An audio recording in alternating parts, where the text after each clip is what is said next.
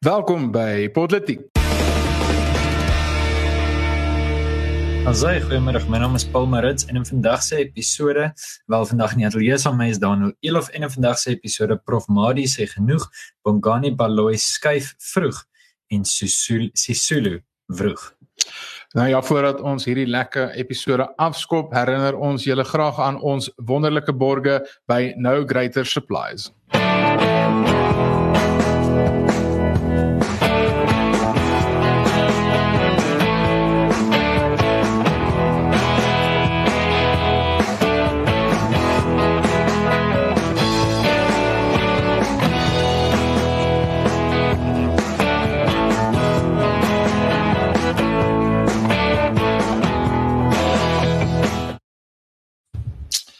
Nou ja, as verskaffer van industriële voorrade verstaan ons die kritiek van deurlopende produksie. Daarom bied ons dieselfde dag aflewering van alle swys, skuur, konstruksie en industriële voorrade.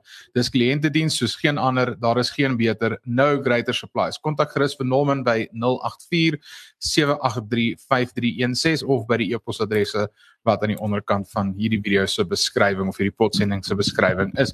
Nou ja, kom ons skop vandag se episode af en on, ons ons is bietjie hierdie week se politiek en ons begin sommer met 'n uh, 'n storie wat uh, eintlik nog ons opslag gemaak het in die media die afgelope week en dis natuurlik dat professor Madi die dekaan van medies by die Universiteit van Witwatersrand het verskyn op 'n uh, Center for Risk Analysis YouTube video. Nou ek ken uh, vir die mense by die Center for Risk Analysis goed. Ek was al 'n paar keer self op hulle oulike YouTube uh, platform en is regtig 'n wonderlike kanaal so jy kan gerus uh almal wat op YouTube inskakel bietjie gaan loer na die CRI se se YouTube kanaal.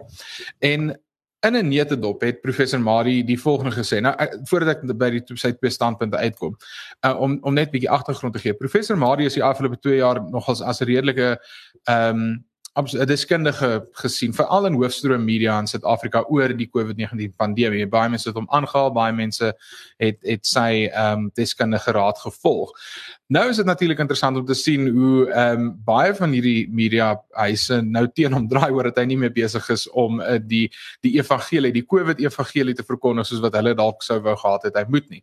Nou tydens sy onderhoud het hy basies gesê dat een die uh, dis baie duidelik dat enige inperkingsmaatreëls nie enige openbare gesondheidsvoordeel bied vir 'n land nie. En tweedens dat maskers is glad nie doeltreffend nie en dit dit help eenvoudig uh nie om hulle aan te dra nie en hy doen toe beroep op die Suid-Afrikaanse regering om uh beide die verpligte maskers maar natuurlik die ramptoestand en die inperkingsmaatreëls te skrap. En dis waar ons nou sit. Nou dis natuurlik nie net professor Mari wat besig is om dit te sê nie. Nie net sê ons dit nou al vir amper 2 jaar lank nie, maar dit voel vir my tog asof die openbare sentiment besig is om te draai en dat daar nou momentum is vir hierdie argumente dat inperkings moet stop, masker mandate behoort te beëindig te word en ons moet regtig nou maar ehm um, net weer terugkeer na normale lewe en hierdie is 'n virus waarmee ons gaan gaan moet saamlewe. So dis bemoedigend dat professor Marie dit gesê het, dis bemoedigend om te sien dat die sentiment wel bietjie draai, maar dis hartseer vir my om te sien hoe baie van die mense wat 'n groot voorrang, 'n voor groot voorstanders en aanhangers van professor Marie was vir die afgelope 20 maande, nou skielik hulle rug op hom draai want hy is nie meer besig om die dingetjie te sing wat hulle wil hê hy moet sing nie.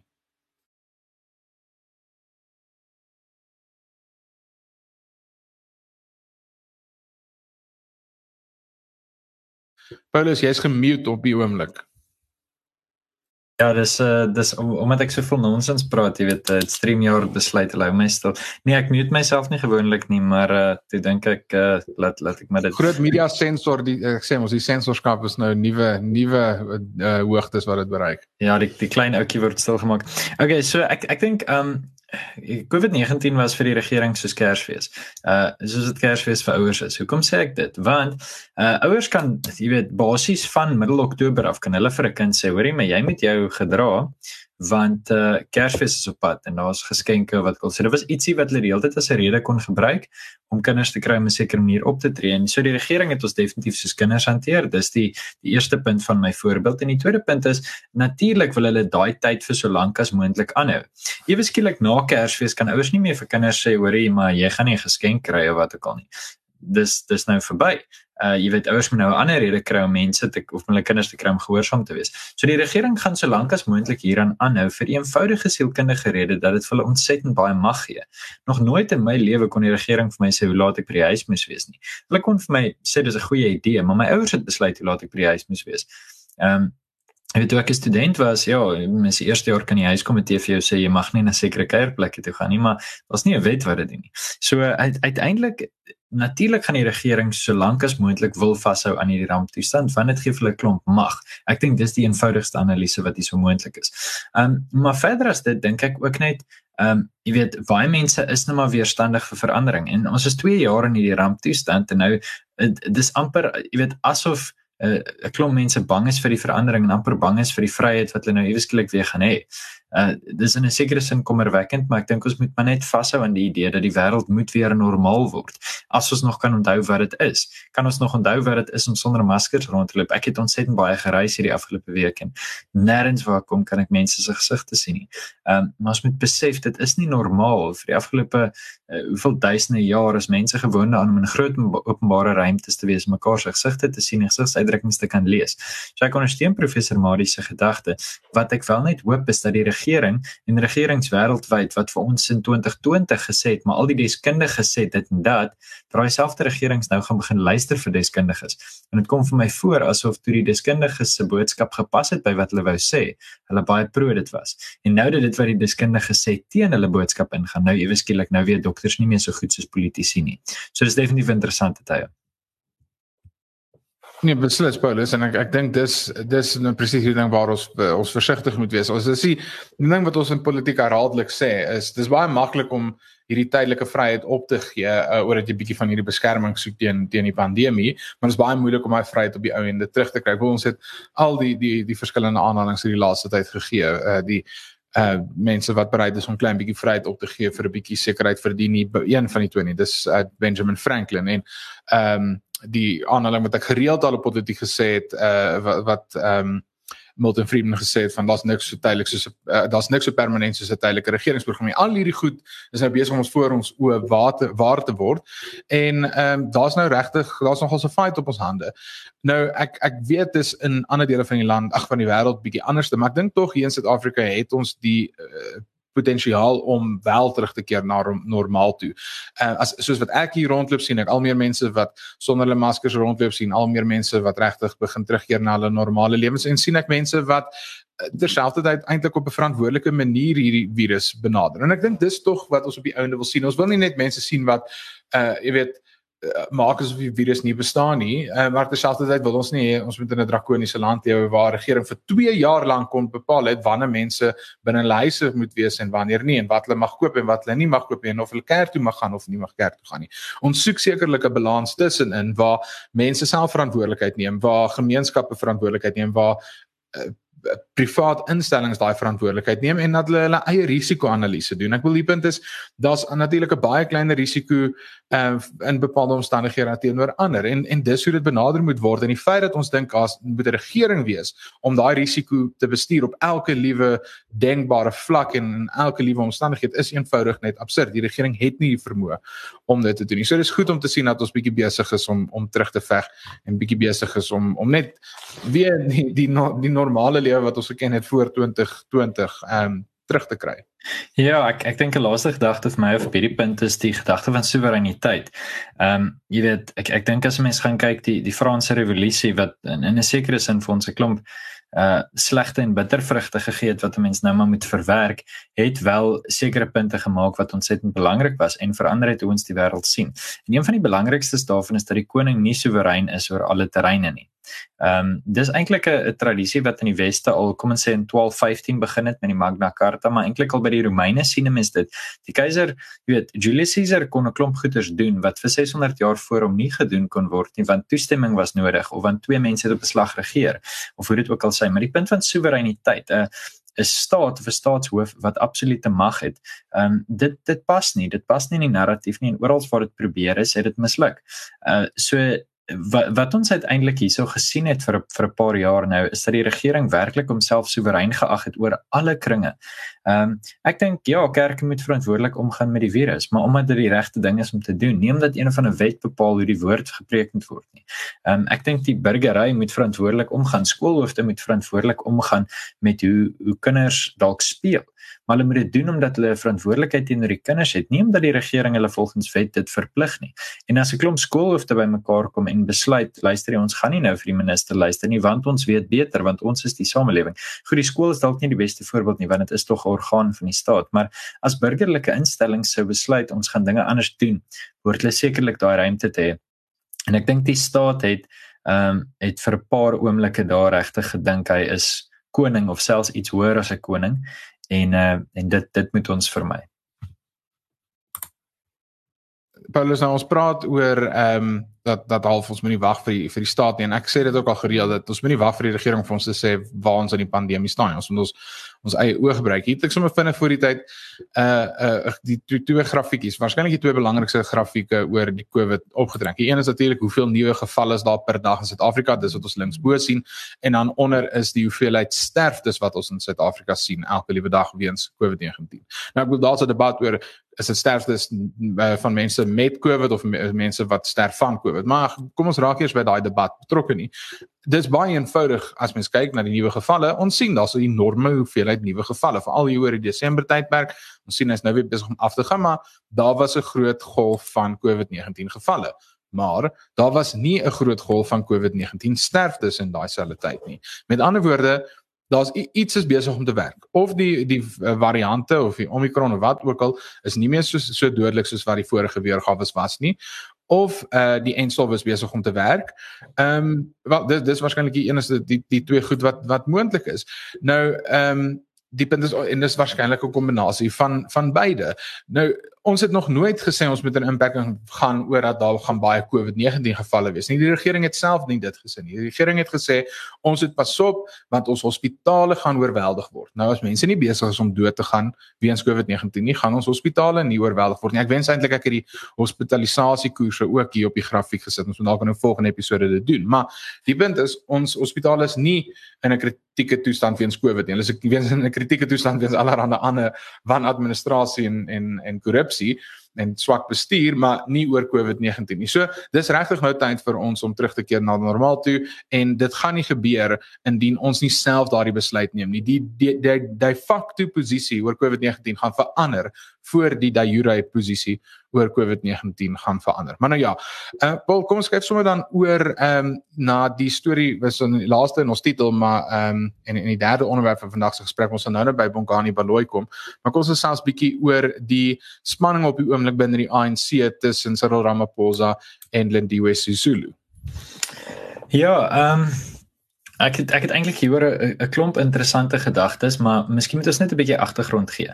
So ons weet dat die 7de Januarie en ons het dit op politiek ook bespreek. Ek en Frederik het dit twee weke terug bespreek. Ehm um, het Lindiwe Sisulu goeters gesê wat ons eintlik sien as opponerend teenoor die hele idee van die oppergesag van die reg. Nou ek ek skaar my by professor Koos Malan as ek sê dat uh en jy weet regsgeleerd is weet meer van die kwessie as ek maar die hele idee van oppergesag van die reg is 'n moeilike punt in elk geval. Dis dis 'n baie moeilike gedagte en is redelik kompleks. Maar kom ons gaan met die idee dat 'n hof 'n bepaalde ehm um, mag in 'n in 'n staat mee en wat die uitvoerende gesag, die met ander die kabinet of die ministers, die oomblik wat hulle 'n klop kritiek gaan uitspreek teenoor die howe en die howe inherent direk ondermyn en daarmee saam in die manier wat sy dit gedoen het, dan is dit kommerwekkend. Nou Lindiwe Sisulu is van die begin af, met ander woorde van uh, April of Mei maand uh, 1994 is sy in die kabinet aanvanklik as adjunkminister uh, en daarna as minister. Sy het al in verskeie portefeuilles gedien en dit is nodig om te onthou dat in die CR17 veldtog van 2017 was sy die adjunkpresident kandidaat uh vir president Cyril Ramaphosa. So uiteindelik het David Mabuza ingekom in ruil vir al die Mpumalanga setels en dit is hoe president Ramaphosa ook verkies is. Maar Ramaphosa en Sisulu het histories baie goeie verhouding.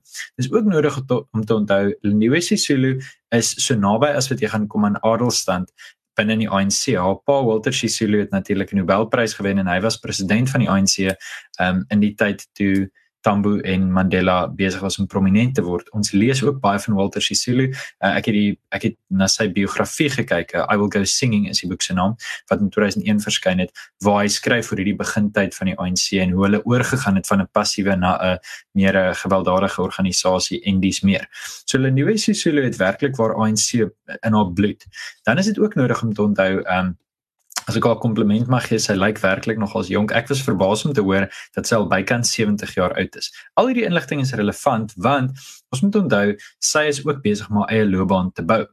So sy het onder andere gesê dat die ehm um, dis moeilik om mens wil nie haar taal direk gebruik nie, sy het 'n bietjie lelike goed gesê, maar sy het effektief gesê dat die regters in sekere opsigte uh, soos huisbedienaars is. Sy het meer sterk taal gebruik en sy het natuurlik ook in Engels gesê, maar sy het gesê dat hulle dienaars is van 'n uh, van die kapitalisme en in 'n sekere sin van van vorige ordes of van uh ja in 'n sekere sin ook maar het het sy ras ingetrek by die storie.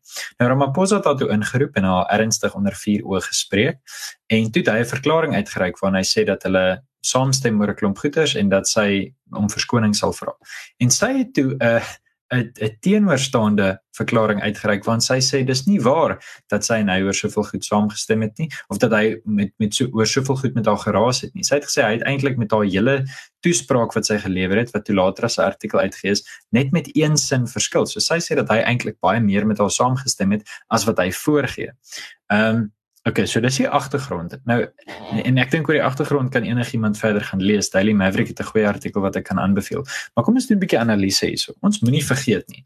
Elke 5 jaar raak die ANC 'n klein bietjie mal want dan kies hulle leiers. En ons weet dat die ANC ondanks die feit dat hulle na buitentoe 'n eenparty regering is vir die afgelope 28 jaar, is hulle intern nog altyd baie verdeeld. Aanvanklik was daar baie vrae oor wie gaan adjunk wees onder Mandela, Chris Hani of Thabo Mbeki. Die ontydige sterfte van Chris Hani het natuurlik daai debat beëindig.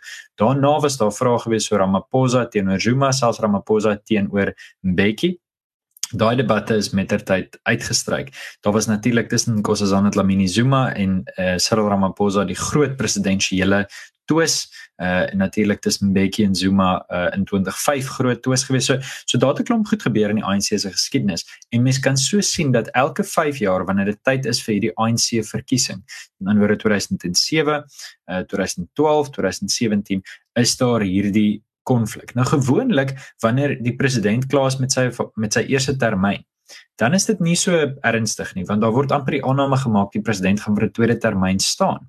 Ek wonder Daniel en dit is die die punt wat wat ek hierso raak sien. Ek wonder of die ANC nie intern of daar toenemend weerstand teen Cyril Ramaphosa is nie of daar nie 'n groot faksie is wat voel dat hierdie sleg verkiesings slegte verkiesingsuitslag van 2021 voor sy deur geplaas moet word nie en ehm um, dat daar mense is wat voel dat die radikale ekono ekonomiese transformasie faksie ehm um, alhoewel hulle on onpopulêr is na buitentoe en vir die wêreld dat hulle wel 'n manier gehad het om 'n bietjie populariteit onder die kiesers te kry. Uh, of daar daai tipe vrae gevra word en of hulle dalk makliker of die die land beter verenig het of iets van die aard. Hoe dit ook al sê, dit kom vir my voor asof Lindiwe Sisulu teen president Ramaphosa wil staan vir president van die ANC en dit kom ook vir my voor dat sy dink daar's ruimte aan die linkerkant met ander woorde erns tussen die ANC se huidige standpunte en die EFF se meer radikale meer rasgebaseerde uh standpunt. So dis dit was nou 'n lang inleiding en so 'n bietjie analise en ek hoor graag wat wat jy dink. Nee, Paulus, ek dink is 100% reg. Ek bedoel die die feit van die saak is alhoewel ons verlede jaar verkiesings gehad het, is ons nou net 2 jaar weg van die volgende verkiesingsjare. Ek bedoel 2024 is 'n groot nasionale verkiesing. 2024 is een van daai verkiesings wat mense eintlik al vir 'n lang tyd oor praat. Daar's baie organisasies, die IRR sê byvoorbeeld groot verandering kom in 2024 en hulle sê dit al vir so 10 jaar. Ehm um, so dit dis 'n belangrike belangrike uh verkiesingsjaar vir die land en uh, daar daar mag dalk verandering wees. Ek ek dink sy die hele Gauteng provinsie is op 'n mespunt op, op hierdie oomblik. So ek dink dis beslis in hierdie agtergrond wat Sisulu besig is om hierdie geraas te maak. Ehm um, dit is met die verkiesing wat sy uh, uh wat wat sy in gedagte het. En baie van die politiek in die volgende 2 jaar dink ek gaan so wees. Ek dink byvoorbeeld die gronddebat gaan gaan weer terugkom. Teen die einde van hierdie jaar en volgende jaar se kant gaan ons weer baie hoor oor die gronddebat al is die artikel 25 wysiging uh verlede jaar in in die wetgewer gesny. Maar die punt is dis 'n politieke ehm um, uh, uh, uh dis dis 'n wat sou mens sê dis dis 'n gesprekspunt wat politieke partye graag wil aanraak is wat die EFF se sentrale boodskap is. Ek dink byvoorbeeld die feit dat ehm um, hierdie hele gronddebat half bietjie stil dood gesterf het is hoekom ons verlede week gesien het die, die EFF loop na restaurante toe en vra hulle oor hulle ehm um, wie wie by hulle werk. Is sodat hulle nou 'n nuwe nis moet kry. Hulle moet 'n nuwe sentrale boodskap kry en hulle is nou besig om die water so half bietjie te toets. So ehm um, en en dis nie net in die ANC nie. Ons sien dit oral. Klomp van die politieke partye gaan ons hierdie in die volgende 2 jaar sien en ons gaan die skuwe begin sien. Ehm um, maar ek dink jy's reg oor oor Lindiwe Sisulu om om 'n spesifieke punt uitgewys dat een sy kom met al hierdie geskiedenis haar ma uh, haar pa was Walter Sisulu haar ma Albertina Sisulu so sy kom uit hierdie half 'n room van die ANC af maar sy is al verskriklik lank by die ANC sy sy sal en sy is al verskriklik lank in die regering Bo, ons moenie dink dis nou net in die laaste paar jaar wat sy relevant geword nie ek, haar eerste posisie dink ek was as 'n adjunkminister in die eerste uh, uh, regering van van ek dink dit was in die 94 tot um, 99 regering was sy adjunkregering sy was al die die minister van intelligensie sy was die minister van behuising van militêre veterane van uh water en sanitasie. Uh sy was al sy was al oral. Sy is waarskynlik een van die mees ervare kabinetslede wat ons het. Ehm um, en en sy kom met baie soos hulle in in goeie ou kommunistiese lingo sal sê met credentials. Sy kom met credentials en uh, sy gaan 'n groot uitdaging wees dink ek vir vir president Ramaphosa en dit gaan interessant wees om te sien hoe dit dan nou oor die volgende 24 maande op die ouene uitspeel. Ja, nee, ek ek stem definitief met jou saam. Ehm um, ek kyk ek daar's 'n paar dinge om te oorweeg. Ek dink vir die luisteraar daar buite wat wat ons ons oop voor moet oophou is in watter sin hierdie besluite belangrik gaan wees vir ons dag tot dag lewe. Ek glo vas dit maak nie saak wie die ANC nou kry nie. Ek wil sonder disrespek sê al sou president Mandela uit die graf uit opstaan, jy weet dink ek die tyd vir die ANC maklik 65% van die stem kry is verby. Ehm um, ons moet verstaan Suid-Afrika was 'n bitterlike jong demokrasie in 99 selfs 2004 en 2009. Ehm um, daar was amper net een party om voor te stem. Die hele idee van die bevrydingsnarratief was so sterk in ons almal se gedagtes. Nou sien mense dat die bevrydingsnarratief van alle kante af afgetakel word uh, en die ANC moet pa staan daarvoor. Jy weet, na die linkerkant toe sê die EFF hulle het die die Freedom Charter uitverkoop. Mandela het spesifiek in 20 of Malema het in 2016 by Oxford het hy gesê dat die ANC het lankal die Freedom Charter verlaat. Ehm um, En in 'n sekere sin dink ek Lindiwe Sisulu skaar homself daarby. Ek het ietsie gesê oor uh, haar gevoel byvoorbeeld ook oor grond en jy het ook iets daar gesê. Maar die ANC word van die ander kant af afgetakel deur die DA en die Vryheidsfront en die IFP wat sê dat daar dienslewerings um, tekorte is, ernstige diensleweringstekorte is aan die ANC se kant. So ek dink selfs al hierdie ANC, selfs al kry president Cyril Ramaphosa nou die volgende 2 jaar ongelooflike dinge reg. Al ruk hy munisipaliteite reg, al kry hy Gauteng reg en water en elektrisiteit en al die goeders. Dink ek eerlikwaar die tyd wat van ANC dominansie is besig om na einde toe te kom. Uh hopelik 2024 het hulle minder as 50% van die steen, maar in indien nie kan ek nie sien dat hulle dat hulle teen 2029 regtig nog op daai tipe vlak um mag het nie. En en jy het in feite die klomp goeie redes daarvoor gegee. So um ek dink ja wat wat wat my betref uh is uh, dink ek dis dalk 'n goeie punt om om hierdie punt af te sluit. Ek ek dink dit sal interessant wees om te sien wat gebeur as Lindiwe Sisulu self inderdaad as presidentskandidaat teen president Ramaphosa sou opstel. Ek kan wel vir jou sê my ervaring van politiek en jy het net soveel ervaring as ek. My ervaring van politiek is baie keer dat jy so jaar voor uh, voor 'n verkiesing begin jy geraas maak uh en dikwels om as jong president te wees. Moenie vergeet nie Kamala Harris het aanvanklik as president gestaan net om so 'n bietjie prominensie te kry om in die media te wees en die kalklig te wees en toe sy uiteindelik vir as jong uh president in, in Amerika gestaan. En mens sien baie keer daai tipe benadering. Ek sal nie verbaas wees as Lindiwe Sisulu nou 'n klomp aandag op haarself vestig en dan so 2 maande voor die voor die verkiesing einde van die jaar, voor die ANC kongres, as hy dan sê nee, goed, sy en president Ramaphosa het gepraat en sy gaan weer as dat jong president staan teen David Mabuza. Ek sal nie verbaas wees om dit te sien nie. Ehm um, ek gaan ek's nog nie op die punt dat ek die voorspelling gaan maak nie, maar ek dink ons by politiek is die eerstes om te sê dit mag realisties. Ek dink dis ja. dis baie dis 'n realistiese uh, voorspelling. Daniel dit gesê, kom ons praat so 'n bietjie oor 'n eh, oor twee ander partye wat eh, wat hierdie week in die nuus was en dit is dat Bongani Baloyi uh, geskuif het van die DA af na uh, Action SA toe. Ja, dit uh, groot nuus natuurlik toe die munisipale verkiesings plaasgevind het en almal geweet dat Bongani gaan uittreë as burgemeester en dat hulle gaan 'n nuwe burgemeester daar in Midval aanstel as die DA wen. Die DA het toe gewen en hulle het nou 'n nuwe burgemeester. En ehm um, toe uh, Bongani geloop het, het almal het hy aangekondig dat hy hy tree uh ehm um, uit die party uit en hy is hy's bly en dankbaar vir sy tyd by die DA maar dat ehm um, hy nou nuwe nuwe uitdagings wil wil aandurf. En toe word dit nou vandag aangekondig dat hy by Action SA aangesluit. Nou my opinie hier is baie eenvoudig. Ek dink dis 'n uitstekende uitstekende skuif vir Action SA. Ek ek bedoel jy het waarskynlik die mees suksesvolle burgemeester in die land um, nou in in jou midde. En ek dink dis dis 'n wonderlike skuif vir hulle gewees. Ek dink dit gaan vir hulle verskriklik baie beteken in die 2024 verkiesing waar Action SA regtig probeer om groot steen in Gauteng te kry. Kyk, ek het dit voor Action SA bestaan het, het ek het altyd gesê dat ek wonder hoekom is daar nie 'n party wat die DA se wat die DA gedoen het in die Weskaap probeer doen in Gauteng nie. Met ander woorde, probeer 'n party wat sterk gewortel is in 'n spesifieke provinsie suksesvol maak, begin daar regeer en van daar af probeer om jou invloed uit te brei. En dis wat ons uh, tot 'n mate sien met Action SA. Hulle moet nou wel nog net begin regeer iewers, maar hierdie skuif van hulle om vir Bongani te kry is is regtig werklik 'n goeie skuif. Ehm um, ek bedoel dis dis opvallend om te sien wat die verskil is tussen Midval en die munisipaliteite om hulle. Ek bedoel Ekurhuleni tot die noorde en ehm um, dan natuurlik die wonderlike munisipaliteit waaraan ek op die oomblik bly Emfuleni tot die suide. Ek ons sit hier in die in die buurt waar ons bly is die die een deel 3 riviere grens aan Russieville en Russieville is binne Midval en Midval het dienste, uh, Russieville het dienste en dis letterlik net oor kan die pad. Ehm um, en maar drie riviere sukkel en afslaggat in die munisipaliteit is is aaklig. So dis regtig 'n opvallende verskil. Dis my interessant dat daar nog nie half 'n oorspoel effek was van Midval na Emfuleni toe nie. Ehm um, en mense verwag dat ons dit gaan sien maar dit veral in die Wes-Kaap byvoorbeeld veral aan die en baie van die dele wat aan die meer op die grens van van die Wes-Kaap is daar so oorspoel effek na die Noord-Kaap toe en natuurlik na die na die Oos-Kaap toe. Ek wonder wanneer gaan ons dit hier in Gauteng begin sien maar aan die ander kant die DA het hulle burgemeesterkandidate in Tshwane en Pretoria en in Johannesburg en dan natuurlik uh in Kreeusdorp en ehm um, en dan nou in Midval. So wonderlike skuif vir Action as uh, SA en ek dink dit gaan vir hulle op die ouene baie beteken in die 2024 uh provinsiale verkiesing.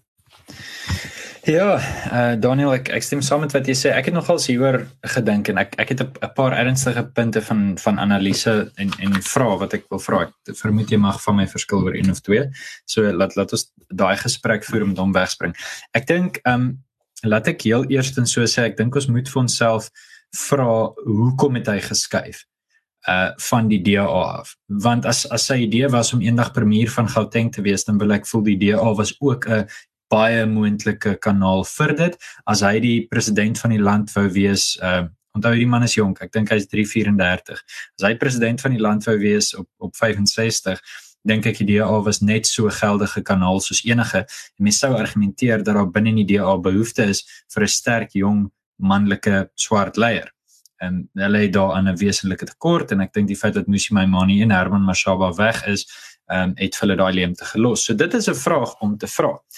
Maar ek weet nie so so hoekom het hy weggegaan? Dit kan vir my een van twee goed wees. Aan die een kant kan dit wees dat hy nie tuis gevoel het in die klassieke liberalisme nie. Wat ek daarmee bedoel in teoretiese raamwerk is hy het nie noodwendig tuis gevoel in hierdie idee van 'n absolute meritokrasie en ons kyk eers na die individu en dan na die groep nie. Dit kan wees dat hy gevoel het die DA doen onder John Steenhuisen nie genoeg om te onderskei tussen die behoeftes van swart en die behoeftes van wit nie en dat die terugskuif na 'n meer Tony Leon tipe benadering van absolute individuele regte en individuele pligte en uh kyk na die individu en die individu se reg en posisie dat dit nie vir hom heeltemal die Suid-Afrika probleem aanspreek nie.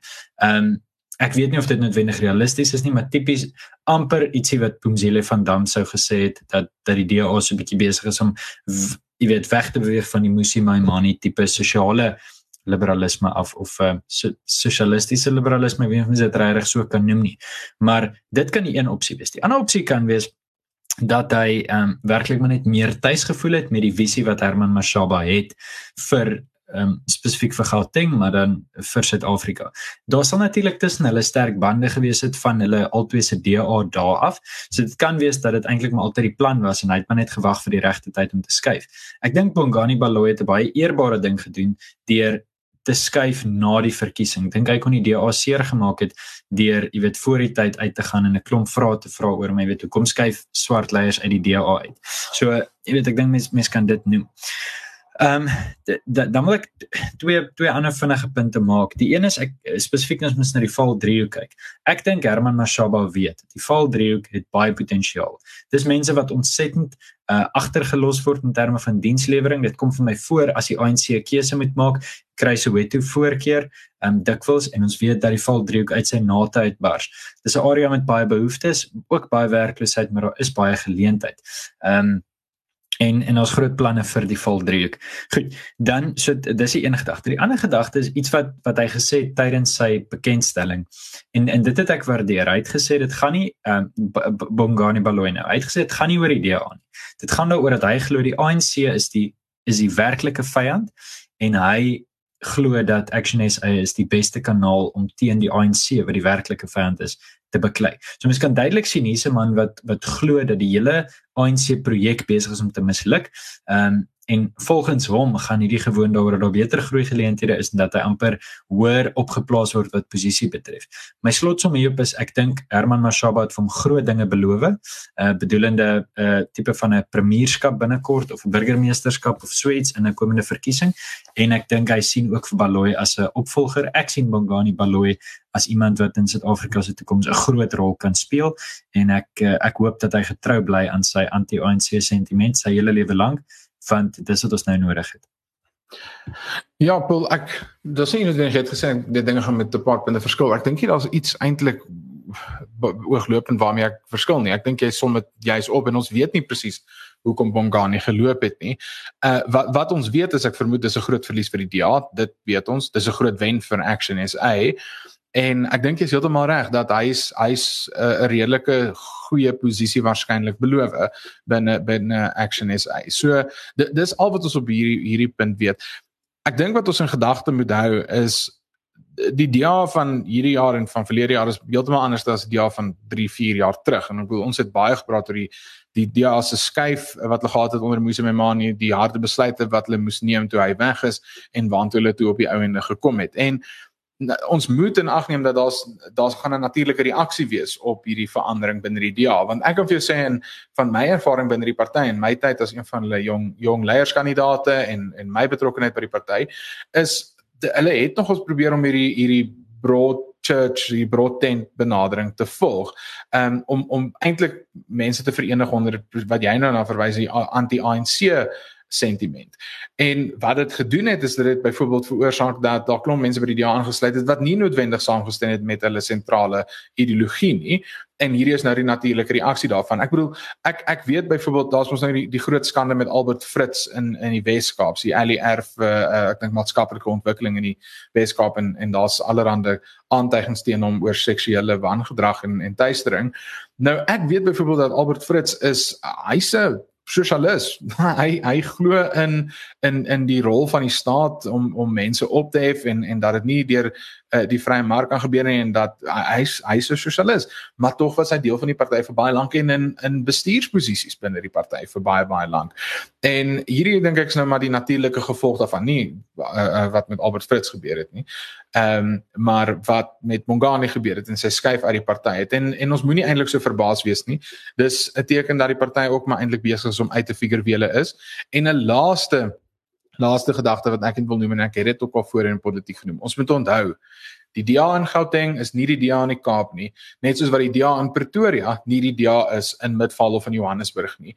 Ehm um, dit dit dit verskil drasties van die omstandighede verskil drasties en dit het waarskynlik ook 'n rol gespeel in Bongani se besluit op die ou ende van die dag. Ja, definitief. Ek ek dink jy's jy's heeltemal reg wanneer 'n mens uh 'n groot en 'n prominente opponent het, dan is hy geneig om om saam te saam te kom en saam daarteen te stry. En wanneer daai opponent in 'n sekere sin verslaan is, dan kom die oorspronklike foutlyne weer uit. Uh jy weet ek dink die die ANC het eintlik 'n klomp verskillende uh stamme en 'n klomp verskillende ideologieë verteenwoordig wat almal saamgespan het teen die idee van apartheid en nou dat dit verslaan is begin daar lyne binne in die ANC ehm um, afbreek of 'n uh, uh, sekere lyne binne in die ANC verskyn. Uh en en heel moontlik met die DA is dit presies dieselfde. Dit was die prominente vyand van die ANC toe die NP gekapituleer het en uh dit het beteken dat 'n klomp mense se anti-ANC sentiment sterker was as hulle pro-DA sentiment en dit het hulle daar gehou en dit kom voor asof die ehm uh, die die groot ANC so 'n bietjie struikel en uh ja, so miskien dit as as 'n uh, byvoeging tot dit wat jy sê. So uh, in elk geval uh, baie lekker om weer hierdie jaar saam met jou in politiek te gesels. Ek dink is miskien tyd om einde kant te staan. Uh, ek sien uit na 'n baie lekker jaar van van politiek. Ons sien uit om uh, vir Frederik as ons nuwe gas ook meer gereeld te sien. Uh vir jou as luisteraar by die huis, baie dankie dat jy ingeskakel het. Onthou om verder te ontnoonsins. Ons is op verskeie platforms. Ehm um, en uh, jy kan regtig uh, gerus daarso uh, luister en saam praat. Ons wil 'n bietjie dankie sê vir ons Patreon ondersteuners, Shantay Kelder, klasmaat van my, dankie vir jou ondersteuning, vir Sunay van Wyk, vir Karel, vir uh Willem Marits, my geliewe boetie, vir Henry Potgieter en vir Pieter Nel. Julle is kampioene. Uh as die ander drie lede van politieke familie en klasmaats en vriende ook kan kan ondersteun. Ek grap Daniel is eintlik ook 'n Patreon ondersteuner en Daniel is ons grootste Patreon ondersteuner want hy glo back yourself. Um Nou ja, uh soos sukkel om swystoerusting te kry, is hierdie episode ook vir eers verby. As jy hou van wat ons doen, klik asseblief op die subscribe knoppie op YouTube en klik op die klokkie laat jy weet wanneer ons regstreeks uitsaai sodat jy ook kan saampraat in die kommentaarafdeling. Ons nooi jou uit om soos ek gesê het self te ontnonsens. Daar waar jy is, as jy met braaivleisvirus vertel vir die mense wat jy dink dat jou stem gehoor word en ondersteun politiek deur uh, die besighede te ondersteun wat ons ondersteun uh, en deur betrokke te raak en saam met ons te dink en saam met ons te te droom vir 'n 'n beter sonskyn dag. Tot volgende keer.